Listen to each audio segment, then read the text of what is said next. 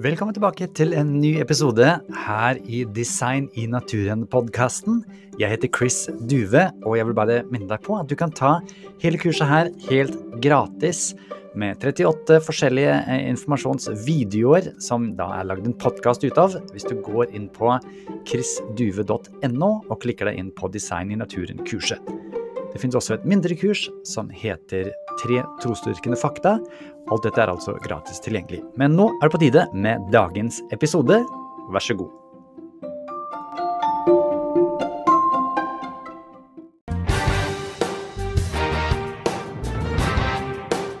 Yes, welcome back, Dr. Michael Behe. Thanks. It's it's always wonderful to be with you. That's great. Well, we've talked a little bit in the previous sessions about kind of how much mutations can do, what is really going on, and it seems to be going a little bit downhill. But what we read about a lot in the in the textbooks or so is the time factor. You know, if you just add enough time, and you're lucky enough. I mean, people do win the lottery uh, I mean, there's there's things that happen by chance, you know, positive things in the world. We're used to that. Um, and in your uh, in your first kind of big book, as far as I understand it, Darwin Black Box, you have the example, which is a, a classic of the uh, engine, the flagellum. and uh, you know, for me, I love engines. I've got I don't know how many vehicles I have on my farm actually. I got an old Mercedes truck from 1963 that I'm using to fetch manure for my fields. I got a couple of motorcycles. Uh, I got an old combine. I love engines. So this ah. motor fascinated me. And, uh, you know, we've seen a video of it also in the course. And it really does look like an engine. I mean, it looks like you could cruise the Norwegian fjords with that yeah. engine. Uh-huh. And so I'm uh-huh. wondering how can how much time do you need to build that? Or is it even how does what does it look like? What do people what does evolution say? How does it happen? Well let's see. Let uh, let me put up a, a picture of that so that uh, the uh, audience can check it out while we're um, talking about it. Yeah the the machine is called the bacterial flagellum and it's one of just a few. And yes it's a real machine. That's not just me talking. Uh, it's um, if you look in the scientific publications in journals, and everybody talks about molecular machines because that's what they are. They're, they have different components. They use energy to uh, perform certain tasks. This is the bacterial flagellum, and it's an outboard motor that bacteria use to swim. This long thing is turned round and around and around and it pushes against water and pushes the bacterium forward. And it's hooked onto this drive shaft through this region, which is called a universal joint. And we can talk about that. And, and here's the motor and the stator. And uh, there's uh, also rings that allow the, uh, the drive shaft to poke up through the, uh, through the membrane. How, how fast? How fast does it go? Well, I think the world's record is a hundred thousand revolutions per minute. A hundred thousand, but more typically around ten thousand revolutions per minute. I don't think I know of any engine that has a hundred thousand because I mean electric engines are fast, but a hundred thousand RPM. Yes, yes. It, but I just have to object a little bit because this still, just now we looked at uh, our Norwegian books and you said it looks like fantasy actually because it was just a drawing. This is uh, also just a drawing. So it doesn't really look like this, I think. No, it, it, it doesn't. Uh, but it turns out that drawings in textbooks, that was a drawing from a textbook. Here's okay. a drawing of another molecular machine called a ribosome from a this is from a textbook by Bruce Alberts, who was the president of the National Academy of Sciences, uh, of the ribosome. And it's a little cartoon version because science didn't have the methods to look in detail at these machines. And as a uh, comparison, a jet would be would look like this if yeah. you're drawing it's just the outside of it and simplified but in just the past year or two, the actual molecular details of the flagellum have been elucidated by a new technique that has just become available in the past 10 years. This is the bottom, uh, in the motor plus the, the hook region of the flagellum. Wow. And uh, here it is. Here's a little GIF that's end on. And each one of these little dots is a portion of a protein. There are tens of thousands of different components of this machine. And uh, so it's, it's much more complex, much more detailed than those cartoon drawings. Here's, here's a nice little uh, uh, uh, movie of it spinning, uh, you can see this is the motor. It actually uses a, a, series of charges to turn the drive shaft here. This is the uh, this is the um, universal joint up here. Uh, so it's much much more complicated than even the best uh, textbooks made it seem up until just recently. And it's electric, you say? Yes, it's electric. It actually uh, uses a flow of positive charges from the outside of the membrane in which it finds itself through a slot, which causes a repulsion that pushes the motor a little bit to one side, and then another positive charge comes and pushes it. So yes, it's it's using electrical uh, electrical electrical energy to to turn this motor. So, so my, my immediate question would be, how did it know that it one day was going to use the electricity to turn? but but so, so, so, what's the theory? What does evolution say? How how did this start? You know. Well, that's that's a, a, a good question. Let me just flip ahead a few slides here. Uh, some people have said that well, if you look at other bacteria, they have a simpler uh, structure that they call the type 3 secretory system. That's what this T3SS stands for. And it doesn't spin, but it does push proteins out through a hollow interior. And it uses those proteins to kill other cells.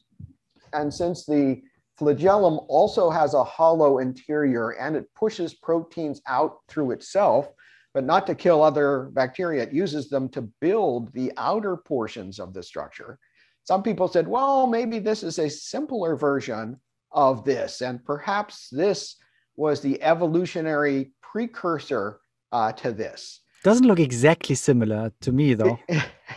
no, it, it isn't. If you if you look in detail, the base down here is different from this, and the you see these little curly helices here, they're different from what is over here. And uh, when you look at it in detail, which has just come out in the past month or so, you see a large number of differences that show these two can't be evolutionarily related.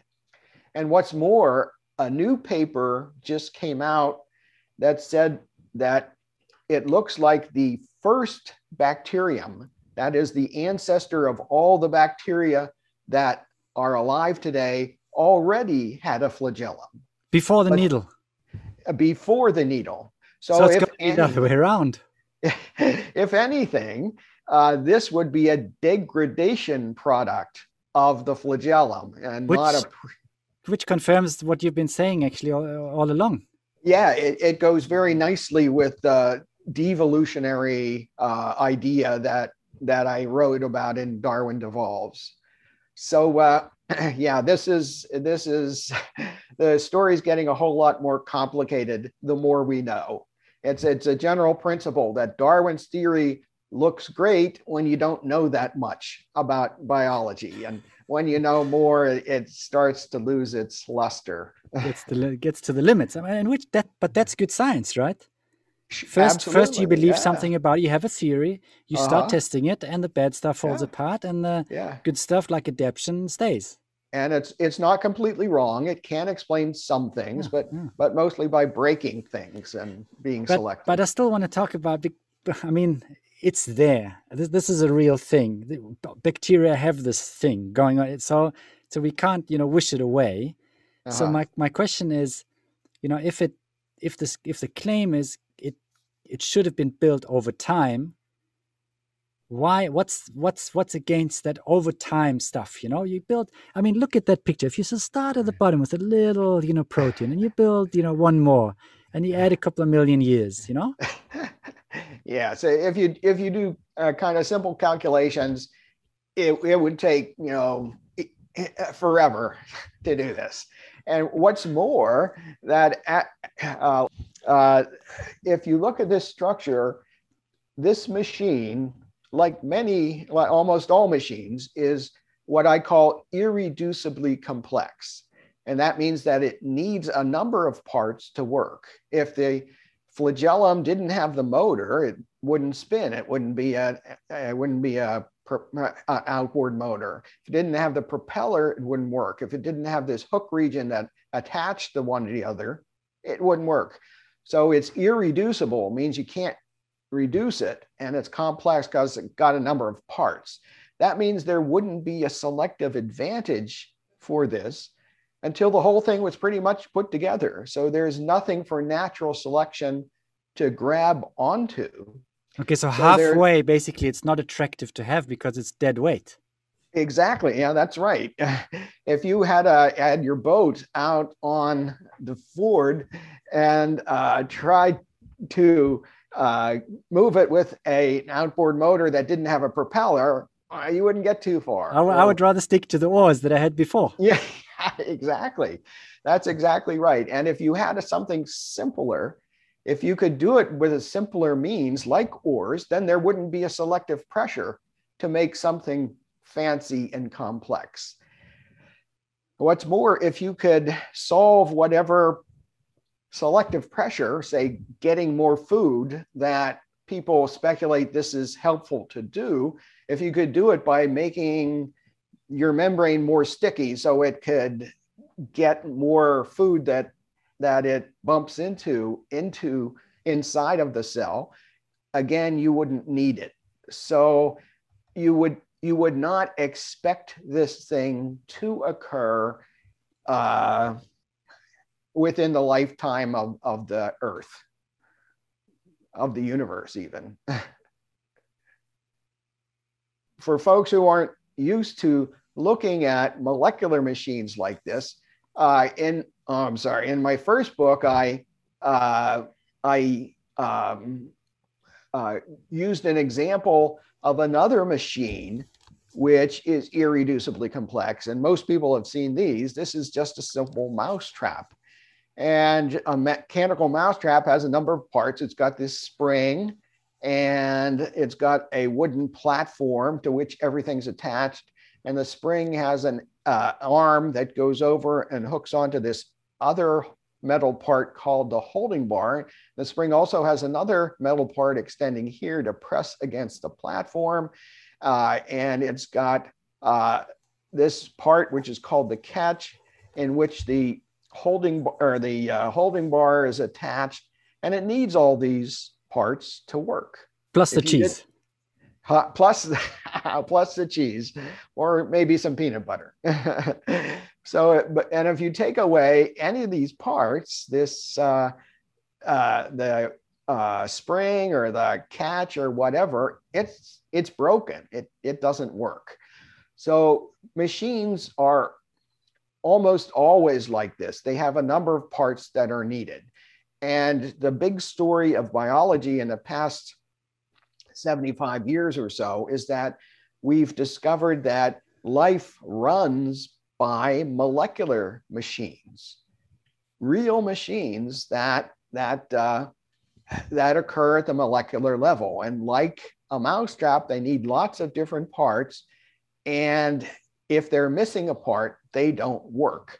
This is a big problem for Darwin's theory that says that, well, you have to start with something that's working and improve it a little bit so natural selection can grab onto it and then improve it a little bit more and improve it a little bit more. But if you have something that is irreducibly complex, like a mousetrap or a flagellum, you can't do that. So Darwin's theory just doesn't work for these types of systems but wouldn't wouldn't some people say, um, you know, that okay, fine, the mousetrap is not going to catch mice by the whole contraption, but what if it catches mice because I don't know the mouse trips on the board or you know catches an eye on one of the hooks or it could work a little bit, you know, it, yeah. it, because even if it works one in a billion times, who's to say that mutation won't be chosen, you know? Uh huh. Well, if if it's uh, yeah, okay, if it if you start with the say the the platform and occasionally a mouse running over it trips and falls and hits its head, okay, you know, but but then what are you going to do? Are you going to add the uh, holding bar and and maybe when it trips, it will you know impale itself on on this sharp holding bar. Okay, but look at the holding bar. You have to have it in position with this staple. I didn't label the staple here because it's kind of a minor part, but if it weren't for this staple, uh, the holding bar wouldn't be upright and it wouldn't be on the platform. And if you, if you look at the holding bar, there's this little curl of metal to hold on to the staple, which is drilled into the platform. If it weren't for this little curl here, this whole thing would be useless.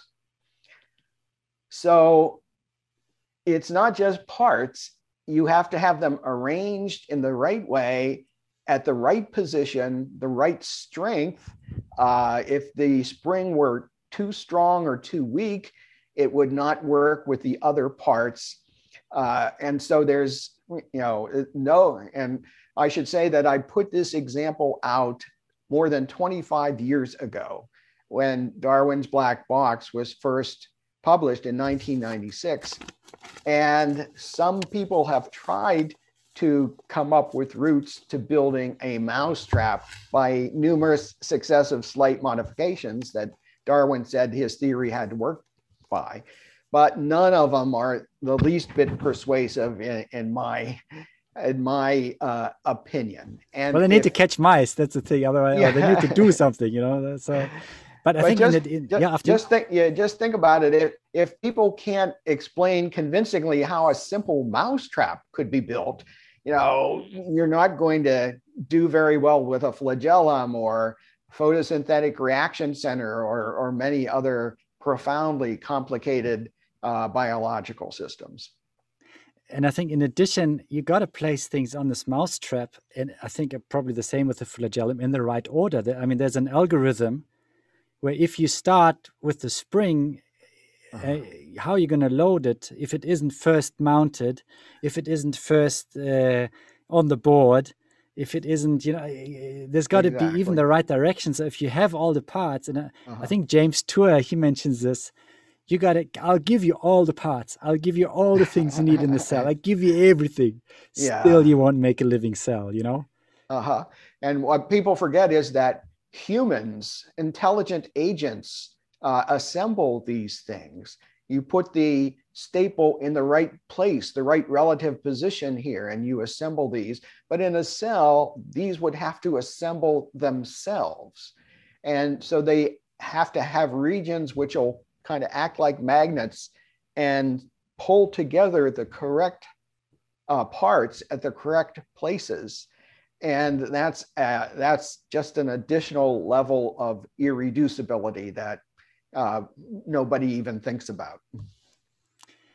So, some people, and I know Stephen Jay Gould has been quoted to say this and stuff, says that yes, evolution doesn't have any sudden things, but they can be punctuated equilibrium. Yeah? There can be some mm-hmm. things that ha- can happen quickly. Mm-hmm. And also, one of our books says this that usually mutations and they i think they're quite correct when they say usually mutations go bad a few times they go good and sometimes they happen very fast. Mm-hmm. and so you know if something else has, has to happen in in like a cell coming together or a flagellum coming together has to happen very fast. And and so how does that actually how, how do they say what kind of organisms would make something make make it go fast? Like the, is it the gene regulatory network that that you know plays around with the genes differently? So you don't have to build the genes but you just read them differently? Oh there mm. must be some answers right? Well no there aren't answers. There are speculations, and okay. a, a, good a good thing to realize is that with Stephen Jay Gould's idea of punctuated equilibrium, that is a not an explanation; it's a label. It just says punctuated equilibrium. There's equilibrium, he says, which meaning nothing has changed, and then there's a punctuation where you know something new is found but it doesn't say why it has changed, why it stayed the same. It, it's essentially uh, just a term to say things change very rapidly or we see new things suddenly, but it's not an explanation. If you wanted to ask yourself, okay, you know, instead of putting this mousetrap together quickly, let's put it together. I'm start instead of putting together slowly, let's put it together quickly okay well how do you do that i mean uh, you know uh, what does it mean to put it you'd still have to have this part and then the next part and the other you still have to have all these parts the only thing it can mean is that well maybe we have a lot of microorganisms that will be reproducing a lot over time and maybe one of them will will eventually get it right but uh, again, if you do the calculations, it turns out that something like this is would take much, much, much, much longer than is available uh, uh in the history of, of the Earth. Um, also, with gene regulatory systems, let me flip ahead to a different slide here. This is one that that uh, you uh, you showed uh, showed me earlier. And oh, okay, here's a here's an example of a person, a poor human being whose number of digits is uh, is much different from normal. Large number of toes and fusion of a couple of different digits. This usually happens because the regulation of the building of an embryo uh, before it's born has been disrupted. Something interferes with the regulation. And as you can see, the results are never better than if the regulation goes correctly. So people who say, well, maybe we can shuffle around the regulation overlook the problem that, in the same way, most regulatory changes, just like most other changes, are, are lead to worse outcomes uh, than what we have. Uh, but if you look in the literature, even in the scientific literature, nobody actually says what changes in regulatory networks would lead to a desirable outcome. It's just like uh, like punctuated equilibrium, it's just a label to cover up a mystery. So I think uh, just to summarize what we've been speaking about, uh, next time I see a mousetrap, anyways, I'm going to think how this thing couldn't have happened, neither by accident nor actually with enough time, because everything needs to be there all at once.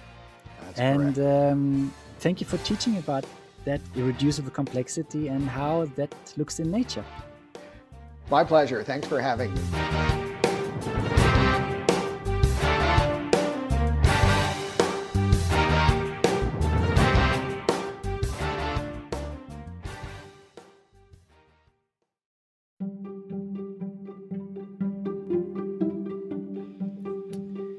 Igjen, dersom du ønsker å få tilgang til de hjelpearkene eller oppgavearkene, så er det jo fullt mulig for deg å signe opp til kurset. Da går det an å laste det ned. Hvis du går inn på chrisduve.no, så ser du all informasjonen der. Dersom du ønsker å støtte denne podkasten og annet arbeid som jeg holder på med, kan du også lese mer om det på chrisduve.no. Takk for nå.